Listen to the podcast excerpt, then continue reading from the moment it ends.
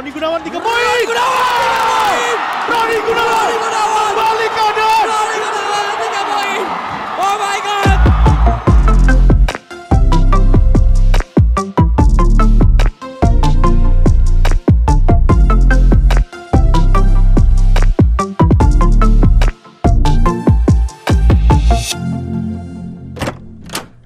Narasumber kita kali ini merupakan seorang legenda basket Indonesia kelahiran Samarinda 20 Agustus 1980.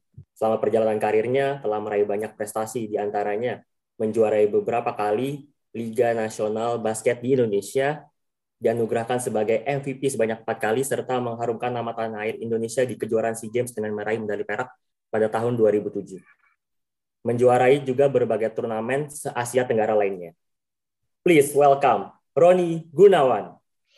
Halo semuanya, selamat siang. Semoga Ya. sehat-sehat selalu ya. Halo Kak Roni, Halo. apa kabar Kak? Halo, Baik, Kak baik, Roni. baik, baik, baik. Semoga sehat selalu dan selamat datang ya di Polaris Locker Room. Terima kasih, terima kasih. Iya, iya, iya. Saya, saya juga senang kok. It's such a great honor for us to meet you. Sekali lagi terima kasih sudah meluangkan waktunya untuk ngobrol bersama sahabat Polaris nih di episode kali Oke, ini. siap, siap. Seperti yang udah kita sepakati, Kak, kita akan buka-bukaan nih mengenai perjalanan hidup sosok Roni Gunawan, seorang legend yang humble-nya luar biasa. Dari awal karirnya hingga sampai titik sekarang ini. Hmm. Dan tentunya kita juga akan ngobrol ya seputar kehidupan atlet profesional, khususnya atlet basket di Indonesia. Oke, langsung aja yuk kita mulai dengan pertanyaan pertama. Ya, kita mulai aja Kak Roni dari awal. eh, alangkah baiknya let's start with the origin story. Eh, gimana sih Kak awalnya Kak Roni bisa akhirnya memutuskan untuk berkarir di dunia basket? Tapi sebelum melangkah ke situ, apakah ada mungkin background keluarga yang mungkin atlet juga atau mungkin pecinta basket juga? Gimana Kak? Nah, ini eh, background keluarga saya itu sebenarnya bukan atlet juga. Jadi nggak ada yang senang basket. Tapi mereka olahraga, aktivitas mereka senang. Cuma sampai menjadi pro gitu eh, belum ada. Kalau ada juga mungkin di biliar ya, biliar. Tapi juga itu juga masih masih levelnya eh, misalnya provinsi lah, nggak, nggak sampai nasional kayak gitu. Oh gitu ya. gitu. Jadi ya nggak ada atlet sama sekali. Cuma secara postur memang keluarga saya tuh agak tinggi-tinggi ya. Ya, apalagi keluarga dari bokap Postur tinggi juga. posturnya tinggi-tinggi. Betul. Kalau ketertarikannya sendiri, apakah sekedar karena oke gue gue tinggi nih kayaknya gue cocok banget nih main basket atau sebenarnya di luar di luar postur tubuh itu sendiri kayak basket tuh menarik deh. Kayaknya ada sesuatu yang bisa gue ulik lebih dalam. Oke, saya ceritain dari awal ya. Pertama kali saya ikut basket itu eh, di SMA. Jadi waktu itu ada kelas meeting juga. Jadi eh, kebetulan pemain di kelas saya itu eh, nggak ada, kurang kurang kurang pemain Oke. istilahnya. Nah, waktu itu saya diajak, "Ya udah kamu ikut aja, kamu badanmu kan ya harus main tinggi itu, ikut aja main aja. Meskipun hanya belum bisa, tapi ya coba aja ikut. Nah ini juga salah satunya juga ada penyebabnya karena dari nyokap waktu itu pindahin saya ke kelas A ya. Jadi sebelumnya itu saya di kelas F, masuk kelas siang. Nah, di kelas F itu itu eh, emang pada jago-jago basket. Jadi saingannya emang sangat luar biasa gitu istilahnya. Ya, teman-temannya emang udah di atas rata-rata.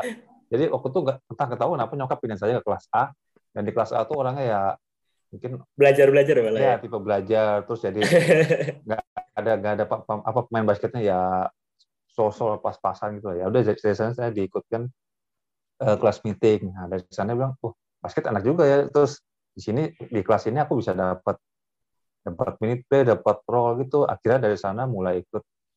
Ya udah aku ikut, ikut klub aja klub ah, namanya dulu eh, klub abadi. Jadi latihannya cuma hari Selasa sama Kamis ya seminggu dua kali lah. Itu awal mulanya dari sana dia mulai basket. Terus saya juga lihat oh basket ini oh fansnya juga banyak lah apalagi dulu kan anak SMA cewek-cewek gitu. Wah gitu, basket gimana gitu.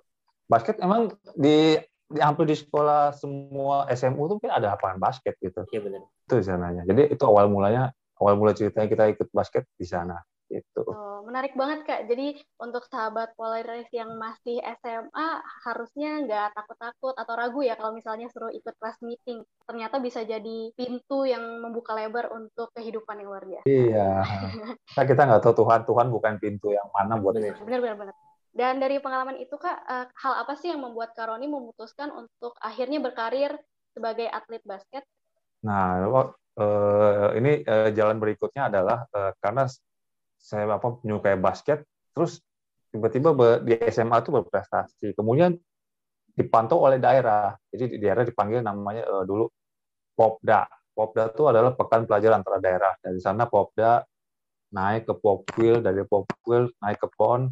Nah, dari PON itu akhirnya saya eh, pengen kuliah di Surabaya.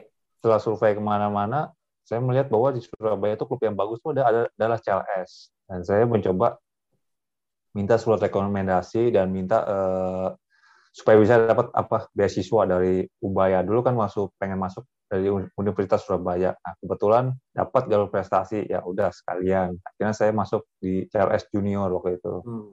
Gitu. Jadi saya berkuliah sambil juga oh, masuk CLS Junior. Dan di sana saya lihat, oh CLS Junior itu emang kencang-kencang banget pemainnya jago-jago banget. Jadi kita dari daerah itu benar-benar skillnya itu jauh banget bedanya. Dari dari level fisiknya, dari tekniknya emang emang jauh banget. Karena emang di daerah kan dari kepelatihan, dari lapangan, terus dari drill-drillnya itu emang jauh berbeda. Oke, okay, gitu. tapi Kak sebelum lanjut ke arah mengenai kelanjutan di CLS, ah. sebenarnya ada hal yang menarik di mana Karoni apakah orang tua sendiri pun mendukung Karoni gitu. Karena kalau kita lihat track recordnya, Karoni ikut berbagai kejuaraan dari skop daerah yang terkecil sampai yang nasional gitu. Ya, Apakah sebenarnya ada dari orang tua eh, nggak usah deh, maksudnya hmm. nggak usah main basket deh, belajar yang serius gitu, atau malah nggak apa-apa, kamu silakan aja main basket asal bertanggung jawab dan lain-lain sebagainya. Nah itu itu orang orang tua juga saya uh, dia mereka juga baik ya, jadi mereka sangat mendukung saya gitu. Yang penting kamu uh, sekolahnya jangan sampai ketinggalan gitu. Jadi apalagi bapak saya tuh orangnya kayak kaku zaman dulu kaku nanti nggak kayak kayak support tapi dia dia nggak mau nunjukin gitu. Tapi dia lihat anaknya tuh suka main basket. Dulu saya di rumah itu ada lapangan, jadi kita bikin ring basket tuh dari yang mungkin dari ember atau dari apa gitu. Jadi suka main-main nembak-nembakan dari ring yang di, apa ring yang kecil. Nah di sana bokap ngeliat ini kok anaknya kok suka basket ini. Akhirnya dibikinkan benar-benar ring basket yang benaran dan ditaruh di halaman rumah itu kita senang banget wah itu happy banget. Apa dapat lapangan basket dengan ring yang benar size yang ukurannya standar internasional.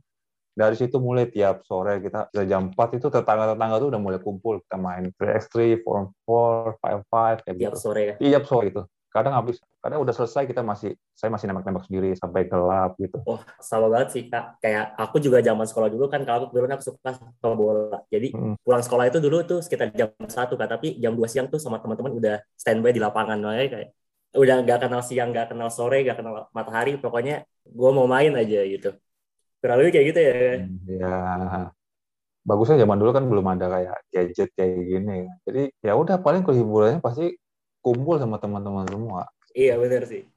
Gak sendiri-sendiri ya. Uh, kita keluar semua. Ya pasti aktivitasnya yang outdoor kayak gitu. Betul betul. Gak, gak ada individual itu. Berarti kalau dari orang tua sendiri sangat mendukung ya karonya terlihat dari bagaimana support sediain apa dari apa yang ada kalau bisa ya. uh, eh, gue fasilitasin dah. Ya dibikinkan ring terus di apa dibelikan sepatu basket dulu masih merek Eagle. Iya. Ingat itu.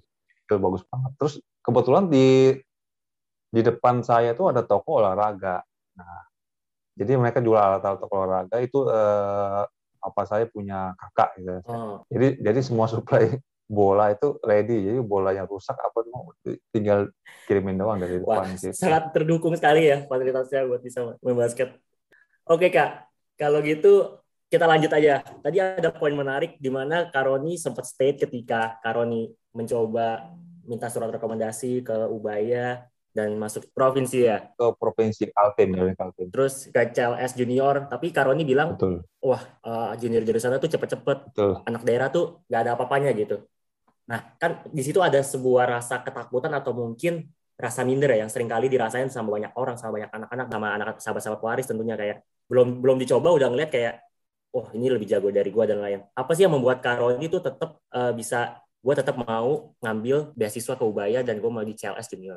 Melihat kondisi yang sebenarnya Karoni merasa mereka tuh lebih lebih baik daripada Karoni gitu. Oke, waktu itu sih dari Ubaya udah keterima. Nah, terus setelah di Ubaya keterima, baru kita eh, mendaftar ke CLS. Yeah.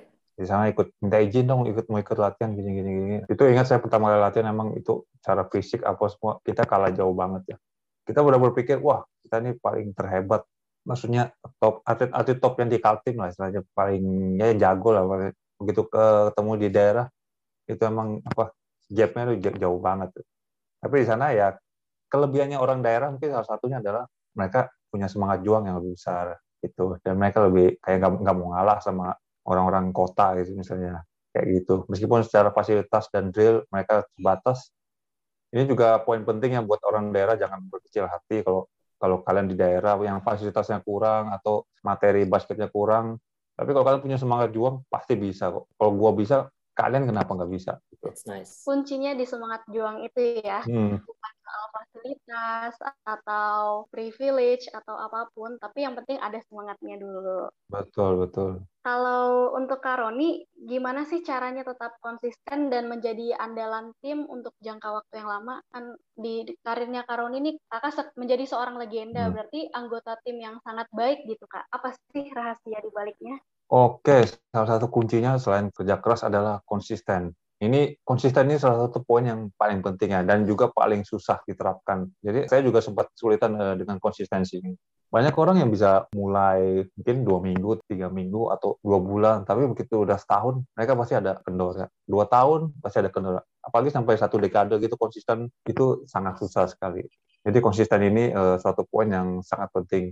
Mana kalian nggak nurunin standar kalian.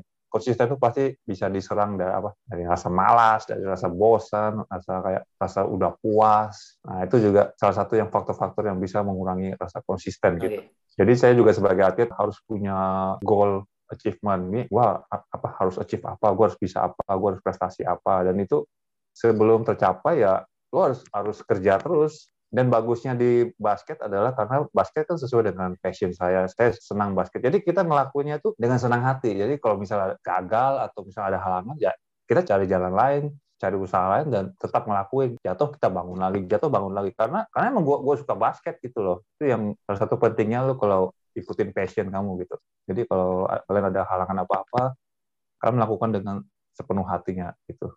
Dengan dengan suka gitu loh. Jadi nggak nggak nggak nggak ada beban misalnya. Setuju sih kak soal konsisten, soal disiplin karena pasti semua orang juga pasti ngerasain yang namanya males dan Betul. ada tantangan sedikit atau capek sedikit, aduh rasanya kurang lah semangatnya berkurang yeah. gitu. Kalau misalnya lagi capek atau lagi males gitu, apa sih yang bikin Karoni bisa semangat lagi selain tadi ada goal dan menyukai passion, tapi ada nggak misalnya bantuan atau dukungan orang lain atau dari Karoni sendiri yang bikin kakak semangat lagi? Hmm Oke, ini juga salah satu faktornya uh, mungkin faktor apa ya di underestimate, faktor sakit hati atau faktor kalah. Jadi semua atlet itu bisa mencari motivasinya masing-masing gitu loh. Istilahnya uh, kayu bakar buat motivasinya. Dulu aku pernah kayak, aduh broken heart putus cinta. Nah, gue larinya ke gimana nih tenaga aku nih kayaknya nggak bisa tidur atau apa. Jadi gue pengen, ya gue, gue pengen lebih baik lagi gimana caranya ya. Gue gue nge-gym apa latihan sendiri karena buat menghilangi rasa apa ya kayak tahu kan kayak putus cinta kayak gimana gitu. Terus uh, eh, gue juga dulu pernah di underestimate sama teman-teman apa teman basket juga. Karena dulu kan masih belajar basket. Dibilang wah kamu wah oh ini nggak ada apa-apanya apa gitu lah. Dari sana mulai oh, oh ya gitu gitu. Oh ya gue gue pengen buktikan dia salah gitu. Makanya kalau kita di underestimate kita diremehkan atau kita sakit hati atau lagi down atau lagi itu kita mesti dibalik gitu loh. Gimana caranya itu jadi motivasi kita buat kayu, buat bakar api api semangat lagi itu. Jangan malah begitu ada ketemu gitu, lu malah hancur, nah, sayang banget gitu. Loh. Kayu bakar yang itu apa itu bisa dianggap sebagai sebuah pelampiasan yang positif maksud dari Karoni? Iya, pelampiasan positif. Jangan lu gua sakit hati kalau lu malah lari ke mabuk-mabukan atau atau clubbing atau apa lu ngerusak diri sendiri itu kan itu yeah, betul.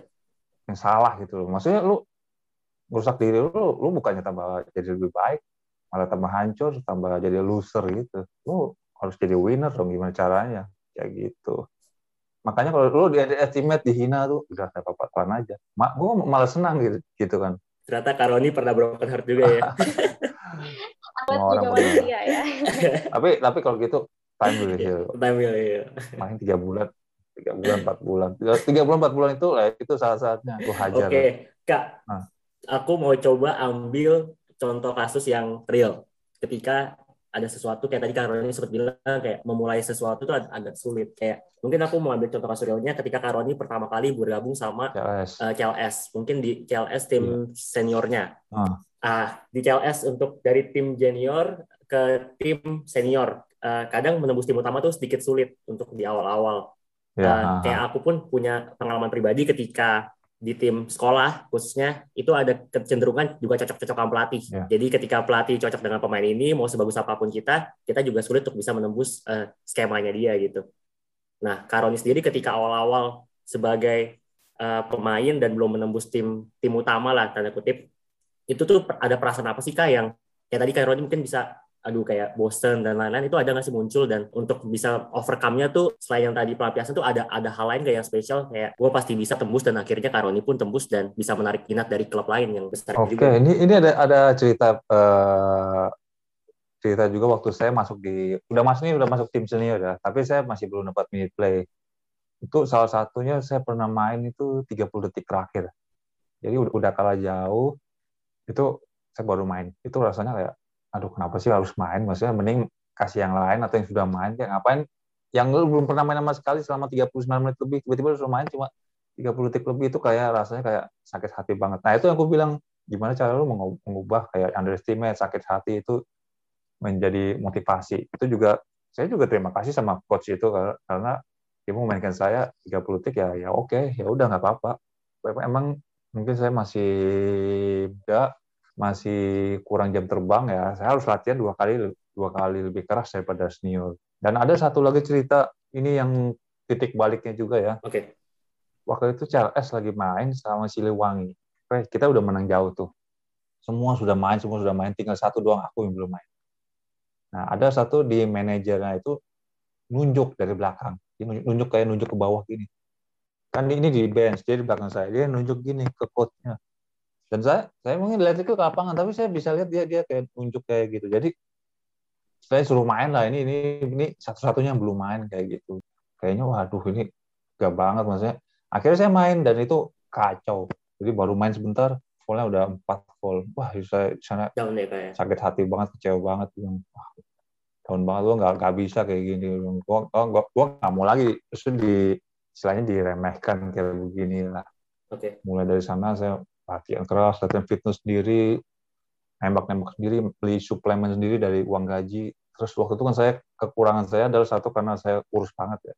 Dulu beratnya sampai sekitar 70 berapa 75 76 ya saya berusaha gimana caranya naikin berat badan secara cepat. Salah satunya sempat kayak beli sate babi sate babi tapi benar-benar ga- gajinya doang. Gajinya doang. sampai sampai sampai untuk kok beli sate gajinya doang kayak gitu. Gaji tuh lemak ya, salah satu waris. ya lemaknya gitu loh Ya, Ah. ini pelajaran yang menarik banget nih kak. Iya. Jadi mengubah ketika kita di underestimate, ketika kita dijelek-jelekin, Heeh, ini Karoni berhasil mengubahnya malah justru jadi motivasi, betul jadi dorongan betul buat ayo lebih lebih baik lagi gitu. betul semua orang pasti pasti mengalami saat-saat dia lagi di bawah lagi down atau lagi di understatement pasti mengalami mungkin kalian juga pasti pernah mengalami semua kalau kalian sukses mungkin ya kalian bakal saya thank you sama itu orang Ya benar. Betul, betul. kalau nggak ada mereka ya nggak bisa di sampai sekarang ini Nah, itu yang jadi batu loncatan kita untuk bisa jadi lebih baik. Mm. Dan saat kita lagi di bawah, kita harus selalu ingat kalau kita akan naik lagi ke atas. betul betul Oke, kalau menurut Karoni sendiri, Hmm, kemampuan atau skill olahraga nih untuk menjadi atlet, menjadi legenda,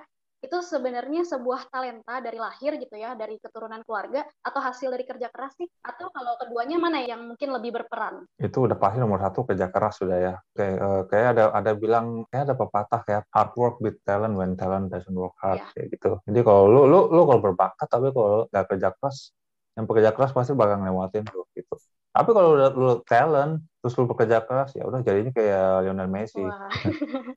Dan ini apply di semua bidang juga ya kak ya? betul Mungkin betul cuma olahraga, tapi apa pun talentanya, apa pun kemampuannya, Mm-mm. kalau nggak diasah dengan disiplin, konsisten, saat Mm. lagi down kita nggak berusaha motivasi diri sendiri, ya ya udah akan lalu begitu aja. Ya, semua yang profesional jago-jago semua pada awalnya pasti amatir semua kok. Gue juga pasti dulu ah, semuanya amatir, semua pasti belajar layup dulu dribble, pasti ada prosesnya Oke. gitu. Oh, benar-benar. Hmm. kalau kita bahas soal mindset kali ya. Dari tadi belajar banyak tentang uh, mindsetnya Karoni juga. Hmm. Ada nggak mindset tertentu yang selalu kakak miliki saat sedang berlatih atau saat sedang bertanding? Oke, okay, uh, dulu saya pernah baca soal buku yang apa yang apa harus lu pikirkan saat lagi bertanding. Maksudnya apa yang lu pikirkan tuh bakal kejadian di real real world gitu. Jadi waktu saya game itu, saya berpikir bahwa kamu ini diambil klub ini bahwa kamu ini adalah yang pemain bagus, pemain terbaik gitu loh.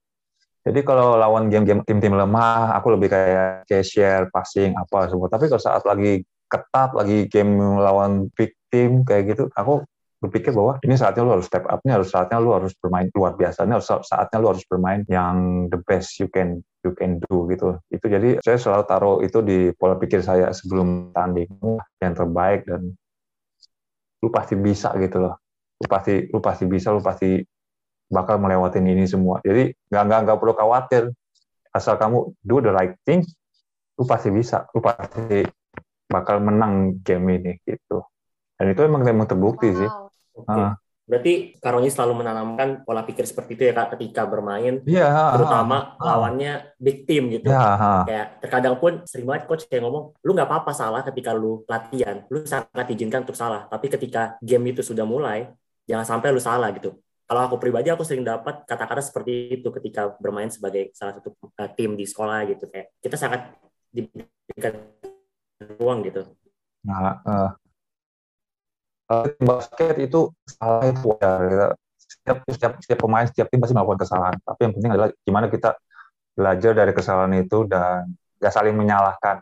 Itu itu kalau di tim basket pentingnya begitu. Semua tim tim lu pasti bikin salah. Gue pasti bikin salah. Coach pasti bikin salah. Gimana caranya kita nggak saling menyalahkan tapi gimana caranya kita saling support? Itu itu itu itu namanya tim. Memperbaiki bersama-sama ya? Itu karena kalau sudah saling menyalahkan itu udah udah nggak enak banget udah. Wah lu gini gini, gini. pasti yang disalahkan juga pasti dia punya membangun benteng atau menyerang balik kayak gitu. Masih berbicara mengenai mindset nih Karoni. Hmm. Tadi Karoni sudah share mengenai ketika uh, start karir awal-awal kesulitan tembus dan bisa overcome dengan meningkatkan rasa percaya diri, ingin membuktikan, berusaha lebih keras. Tapi ada titik di mana Karoni juga mencapai uh, peak hmm. dari karir Karoni. Ketika Karoni udah di atas, tentunya mindsetnya akan berubah kan, hmm. kan Karoni. Kayak ekspektasi, harapan orang-orang, beban yang ditanggung pun berbeda ketika kita tanda kutip masih underdog gitu. Hmm. Ada nggak sih Karoni merasa kayak, aduh, gue nih udah memegang titel sebagai salah satu pemain terbaik, orang tuh punya ekspektasi besar, tim punya ekspektasi besar sama gue, gue nggak boleh salah nih, gue harus bertanggung jawab untuk bisa membawa tim dan teman-teman gue juara. Gimana sih Karoni, kalaupun ada, merubah beban itu tuh menjadi sesuatu yang bukannya menjatuhkan tapi malah semakin meningkatkan untuk lebih berkembang lagi kak. Nah itu dia uh, karena gue senang dengan basket ini jadi ya gue ngakuinnya dengan senang hati tanpa beban meskipun ada pressure atau apa pun ya nggak nggak nggak ada masalah gitu. Yang penting yuk ngelakuin dengan benar, lu latihan dengan benar, ya urusan urusan menang apa kalah itu urusan belakangan gitu, urusan urusan Tuhan istilahnya tapi ada sempat salah satu uh, momen yang gue lihat aduh di basket kayaknya mentok ini kayaknya udah ini pada saat Piala Asia. Jadi gue waktu Piala Asia kita kan biasa main di Asia Tenggara atau di apa lokal mendominasi ya. Begitu ketemu di Asia oh itu itu langsung kayak kita kayak level kita nih emang jauh banget masih di Asia. Itu dari pemainnya skillnya size size badannya semua gede-gede banget itu pertama kali saya juga ketemu si pemain Cina Yao Ming pemain Korea apa iya di sana semua. Dan itu memang mereka besar besar banget. Di sana saya merasa sempat kayak gak nggak pede banget itu. Misalnya Cina bawa pemain tingginya 11 apa 10 Indonesia cuma bawa satu pemain tinggi. Sisanya pendek-pendek kaget ya pasti ya? Iya kaget sempat dan itu minder sempat kayak aduh kita ternyata Indonesia nggak ada nggak ada apa-apanya. Nggak ada apa-apanya. Nggak ada apa-apanya dari size apa semua luar biasa.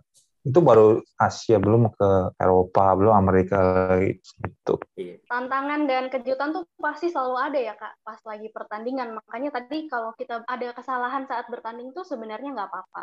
Yang penting kita nggak ya, cepat. Iya, yang penting kita nggak menyalahkan, nggak down. Cepat bangkit lagi, cepat cepat memperbaiki kesalahan itu lagi. Ya nggak ada tim yang perfect 100% nggak nggak mungkin. Mindset yang sangat baik, baik di lapangan saat bertanding, berlari, Hmm, hmm, hmm, atau di hmm. kehidupan nyata juga ya, sahabat Polaris ya. Kalau kita melakukan kesalahan, jangan langsung down. Iya, tiap sebelum tanding gue sudah bilang pasti kita akan pasti akan ngelakuin kesalahan. Si coach pemain pasti akan ngelakuin kesalahan. Jadi tenang aja. Jadi jangan takut jangan takut salah. Jangan takut salah, jangan takut gagal. Itu bakal kejadian. Tapi mindsetnya tetap lakukan hal yang benar dan tetap lakukan yang terbaik. Nah, itu urusan urusan masuk apa enggak menang apa kalah itu belakang. belakangan. Kalau soal effort, daya juang, dan attitude, Kak, Hmm. seberapa penting kedua karakter tersebut bagi seorang atlet? Oh, penting banget ya. Eh, selain dari, dari juang tadi kita sih udah ngomongin ya. Terus lagi attitude. Attitude juga penting. Jadi kalau pemain yang attitude-nya bagus, itu apalagi di tim ya, itu lebih gampang nyatunya. Jadi antara pemain dengan yang pemain yang lain itu lebih nyaman. Karena kan kalau ke tim itu perlunya chemistry antara satu dengan yang lain.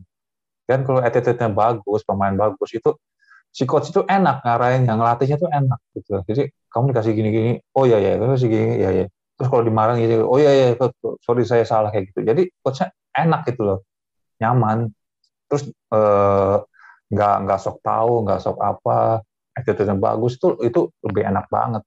Gimana sih kalau main sama dengan yang kamu ny- nyaman, lu buat sharing, buat apa, kayak lu best friend lu main satu tim itu enak Iya banget. sih, benar.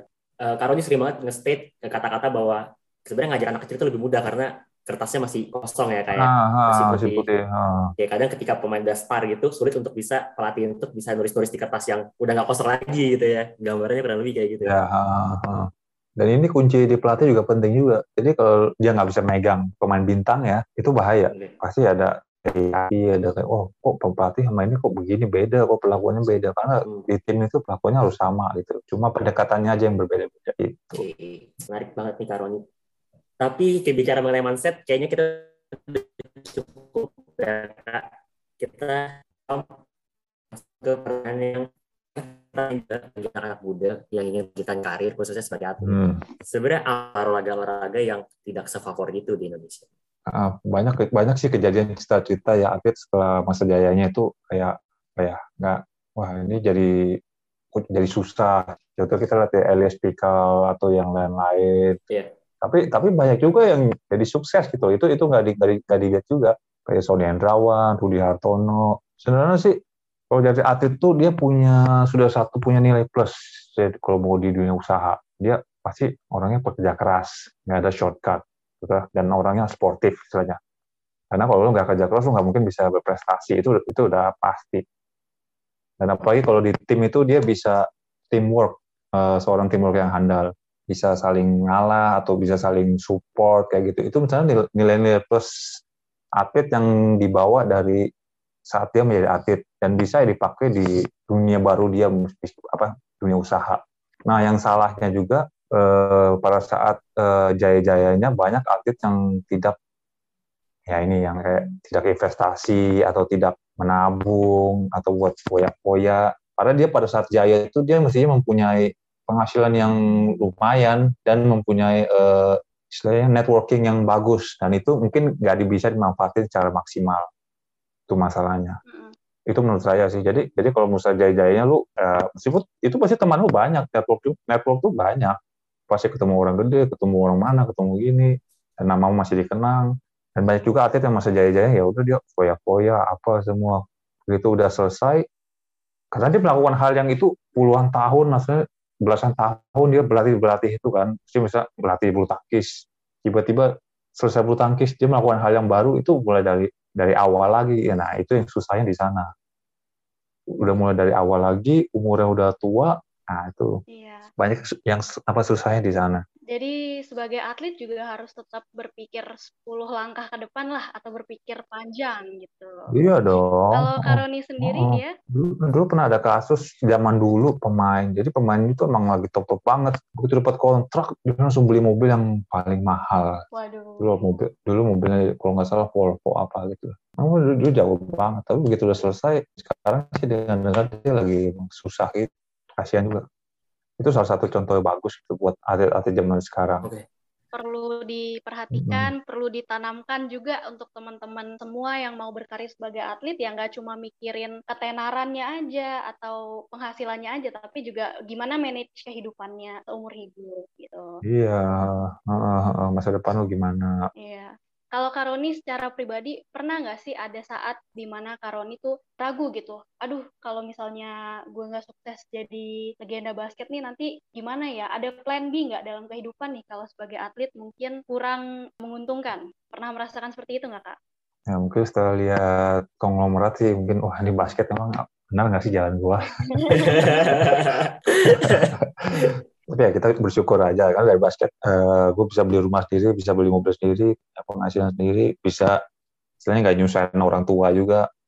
Gue juga punya kebanggaan tuh waktu itu orang tua bilang ini anak papa yang paling gak suka nyusahin paling biayanya paling sedikit tuh kayak gue gitu. Wah situ gue gue bangga juga.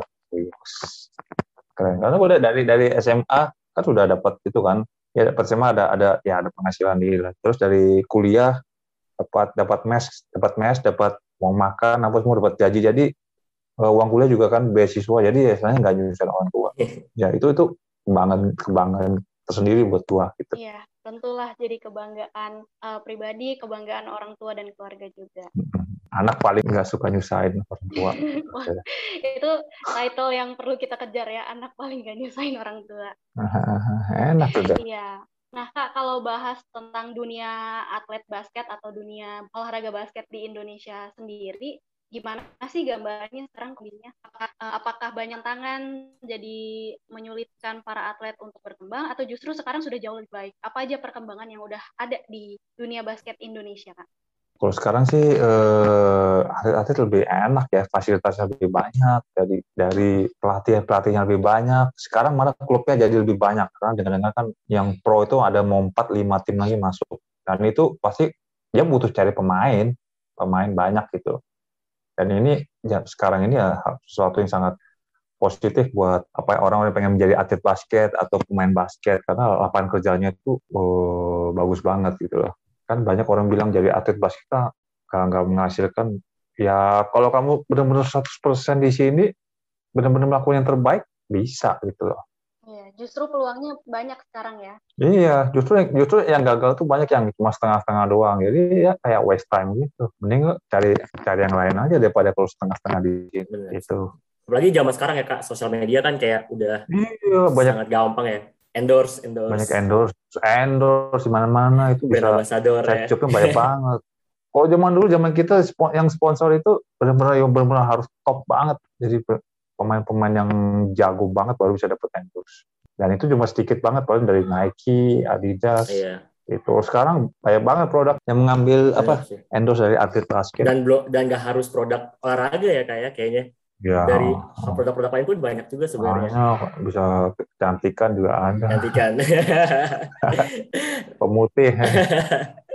nah, dari obrolan dengan Karoni tadi mengenai apa yang terjadi dengan dunia atlet di Indonesia, sebenarnya kalau aku boleh narik kesimpulan, sebenarnya bukan masalahnya bukan di atlet itu sendiri ya kayak, ya. bukan di keprofesian, tapi lebih ke arah bagaimana Betul.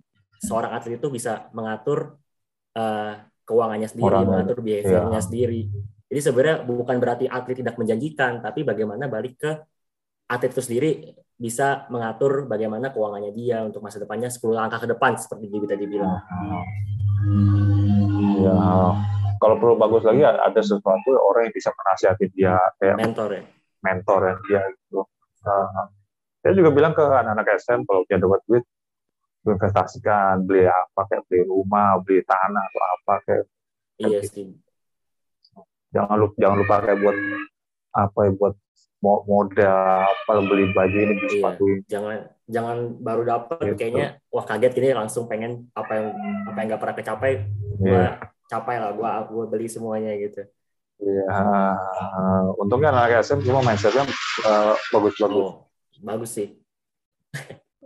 Ngobrol-ngobrol tentang dunia basket di Indonesia, Kak mau tahu juga dong uh, seperti apa sih keseharian seorang atlet basket atau keseharian Karoni? Ada nggak sih pekerjaan kegiatan lain yang mungkin nggak berhubungan dengan kegiatan basket juga kakak lakukan? Untuk sekarang masih belum belum ada, masih full di manajemen. Jadi gitu. ya 24/7 juga basket terus ya. Kalau untuk pemain basketnya sendiri kan pada umumnya kayak di uh, mungkin pemain basket di Indonesia gitu kesehariannya tuh seperti apa sih kak kayak Senin sampai Jumat apakah mereka full di court gitu kayak latihan dan lain-lain dan Sabtu Minggu baru mereka balik dan dengan keluarganya. Mayoritas mereka di di apa di court. Tapi ada beberapa juga yang kayak bisnis, ada juga punya beberapa yang main investasi, ada yang saham. Oke. Okay. Kayak Lauren gitu main saham. Karena itu itu itu nggak membutuhkan apa ya apa stamina dia buat yang lain karena membutuhkan untuk otak jadwal gitu. kesehariannya sendiri kak setiap weekdays gitu kurang lebih kayak apa ya? Apa kayak anak sekolah biasa gitu? Seven to three gitu. Biasanya mereka latihan cuma sekarang cuma pagi doang. Nah, sembilan sebelas habis itu udah habis itu free sampai besok lagi. Karena kita lagi off season kan. Oke, okay. tapi ketika dulu ketika season itu memang jalan dengan normal, kesehariannya apakah nggak mungkin selonggar ini kan pasti kak? Iya, latihan pagi sore mas. Tapi tetap diizinkan ya kayak uh, keluar untuk melakukan aktivitas di luar dunia basketnya mereka gitu. Ya, ya dulu sebelum sebelum pandemi ya. Tapi semenjak semenjak pandemi disarankan ya kalau mau pulang langsung pulang, jangan nongkrong nongkrong lagi gitu. Kalau kayak makanannya sendiri itu diatur ya sih sebenarnya? Kalau makanan itu uh, kita ada ada kayak mbak gitu yang masak. Jadi uh, ya sesuai dengan daging, sayuran, karbohidrat. Nah untuk pemain yang uh, mungkin dia punya masalah dengan berat badannya kalau yang kurus biasa mereka porsinya dilebihkan.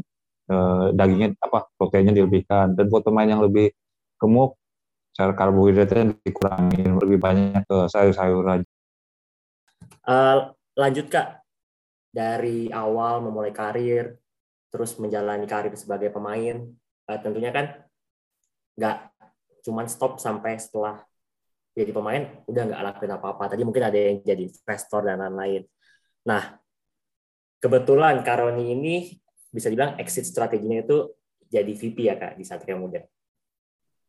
Jadi VP itu sebuah pilihan yang memang uh, udah dipikirkan di awal kayak uh, gue kayaknya ketika pensiun gue ingin masuk ke manajemen karena ada yang gue pengen perbaiki atau karena emang ada tawaran secara tiba-tiba atau hmm. mungkin kenapa nggak pilih coach atau melatih anak-anak muda gitu kak? yang di luar? Uh, Oke, okay. sebelum sebelum pensiun kita, saya uh, saya sudah sama Mas Erik udah ngomongin hal ini.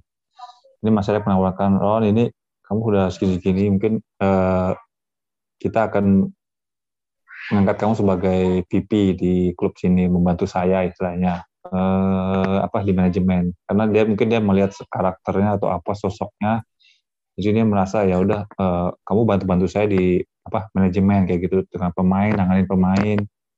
Dan itu kebetulan uh, mungkin setahun sebelum saya pensiun di umur 35 itu kita sudah ngobrol. Mungkin tahun depan mungkin uh, saatnya kita mau gantungin jersey kamu mau pensiun pensiun uh, Roni harus pensiun aja kayak gitu. Karena juga waktu itu banyak pemain-pemain muda sudah mulai masuk di posisi saya posisi 4 dan 5 gitu. Jadi ya itu mungkin saatnya mereka untuk step up dan saatnya saya untuk ya turun istilahnya kayak gitu. Meskipun secara fisik dan skill saya merasa mampu tapi ya ya udahlah.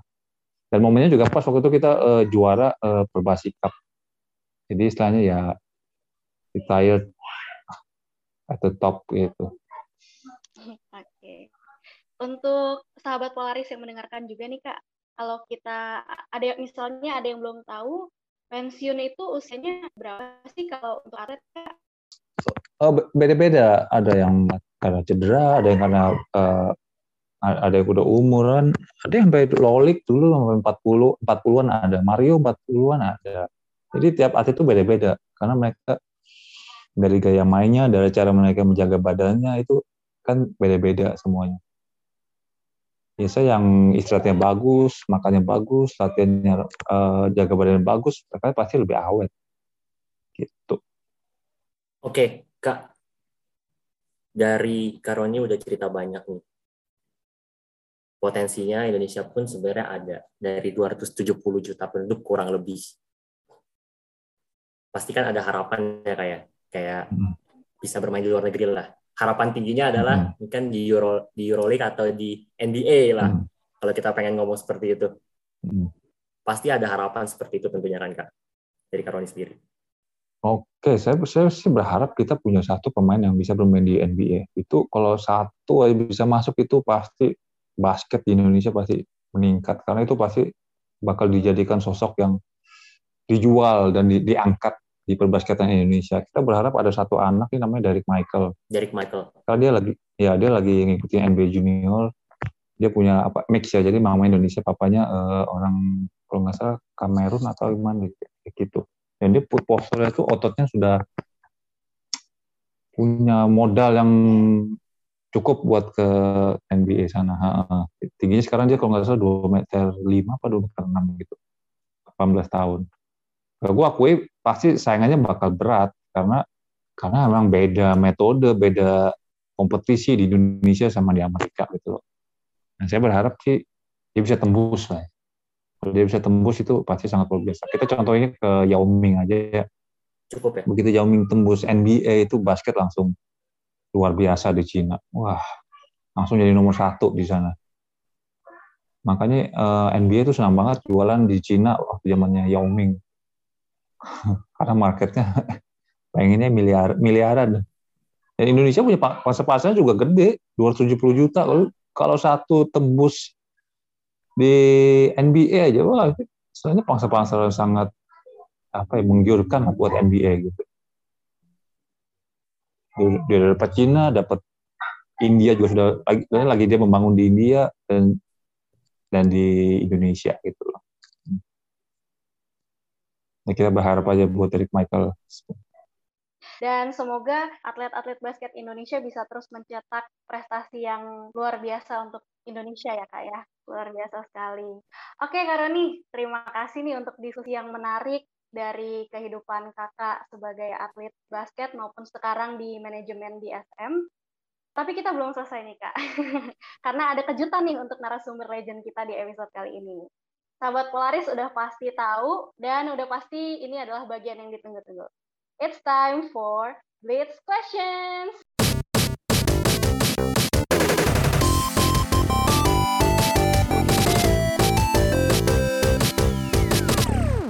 Blitz Question. Oke, Karoni. Uh, kali ini aku yang akan mandu. Cara mainnya adalah aku akan kasih dua pilihan ke Karoni dan Karoni harus memilih salah satu dengan cepat.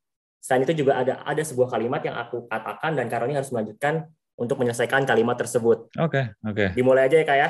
Peran nomor satu. Saya adalah Roni Gunawan dan saya ingin dikenal sebagai seorang Roni Gunawan. Waduh.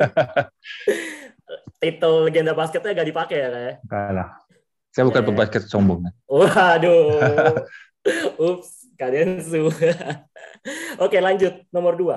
Basket atau keluarga? Keluarga. Tetap ya family over everything ya kak ya? Yes. Ya bisa dilihat sih kak kayak bikin janji sama Karoni itu ketika waktunya udah waktu keluarga emang Karoni sangat spend besar ya untuk keluarga ya. Mm-hmm. Wah, luar biasa. Mm-hmm. walaupun basket begitu menguasai tapi keluarga nomor satu. Lanjut kak. Nomor tiga. Skill atau attitude? Attitude.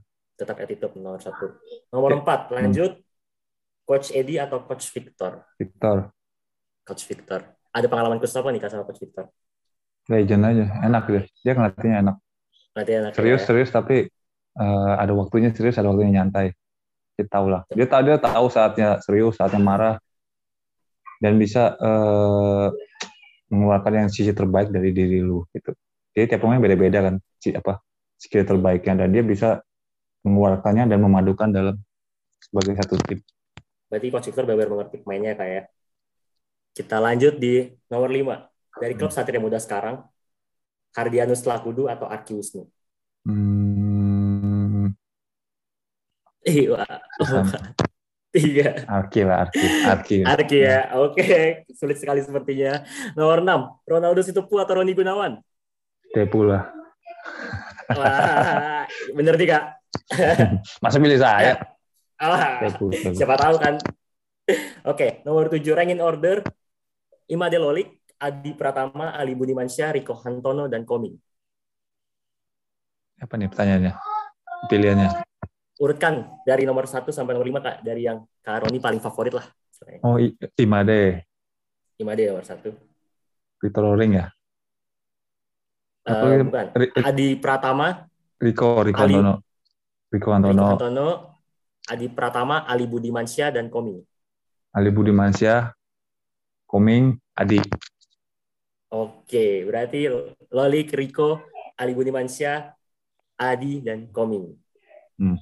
Oke, nomor Udah, 8 Adi. Adi, Adi Adi terakhir. dulu, Adi terakhir ya. Oke, Adi terakhir di revisi sahabat Paris. Nomor 8. Jadi pemain SM atau VP SM? Main. Pemain ya, tetap lebih menyenangkan ya, Kak. Nomor 9. Ini request dari sahabat Paris nih, Kak. Harus dijawab dengan sejujur-jujurnya. Hmm. Roni Gunawan atau Denis Sumargo? Cuma gue lah. Eh, iya. Eh, eh, Denis ya, ya. Kok ada eh ya, Kak? Kenapa? Gak, gak, Gue nggak bisa, gak gue nggak bisa milih diri sendiri. Aneh ya. gak bisa sombong berarti. Nggak bisa. Oke, nomor 10 nih Kak. Terakhir. Saya adalah pemain terbaik yang pernah Satria Muda punya. Iya atau tidak? Ya. Ya, oke, nice question. Oke Kak, thank you banget buat special segmen kali ini. Nah sih nomor 10 bukan mesti saya yang ngomong, mesti si mesti Mas Erik yang ngomong. Oh, Pak Heri Tauhir ya. Ya, dia dia dia dia dia, dia, dia, dia pernah dia pernah ngomong gitu, tapi lu Google aja kalau bisa. Waktu saat saat gantung jersey dia ada ngomong. Gimana? Kak? Berarti waktu itu sempat tanya juga ya? Nah, kalau kalau kalau kalau bikin pengakuan itu nggak bisa lu dari orangnya, ngerti nggak? Kayak wah gue jago, lu nggak bisa ngomong gitu, lu mesti ngomong dari orang lain yang lihat lu atau dari timnya. Kalau lu ngomong jago, semua orang pasti gue jago, gue jago. Nggak bisa, lu mesti dari teman-teman lu, dari musuh lu, dan dari orang-orang yang ngeliat lu. Nah itu itu baru bisa pembuktian. Berarti Pak Erick Thohir pernah ditanya dan jawabannya adalah Karoni Gunawan ya? Dia dia, sendiri yang ngomong, bukan saya bukan saya yang ngomong. Makanya aku nggak suka kayak yang saya jago, saya jago itu istilahnya nggak nggak nggak nggak nggak etis lah, nggak masuk akal. Lu kalau ngomong jago, lo orang lain yang ngomong. Orang kalau orang udah jago nggak perlu kita bilang diri kita jago, tapi orang lain udah tahu ya kita jago ya. Iya betul, nggak perlu jago. Orang lain yang ngomong pasti Nice, gitu. nice answer. Nah, luar biasa kak. Waduh, seru banget ya Gea Iya. ini. Iya, seru banget bener deh. Bisa ngobrol serius, bisa belajar banyak, sekaligus main. Sampai tadi menyebutkan tokoh-tokoh Mhm. uh, basket juga ya, mungkin untuk sahabat Polaris yang nggak tahu. Tapi tadi kita ada sesi fun sedikit sama Karoni. Ya, jangan terlalu uh, dianggap serius lah ini kita sambil bercanda Siap. juga di episode kali ini. nah, uh, pokoknya terima kasih banyak banget Karoni untuk waktunya, untuk kesempatannya. Karoni ini memang sangat humble sekali dan itu adalah sebuah karakter yang perlu kita pelajari. Contoh juga dari Karoni ya. Jadi kalau aku boleh rangkum diskusi kita hari ini, pertama jangan pernah takut untuk coba sesuatu Mm-mm. baru karena hal itu bisa jadi pintu depan ya Betul.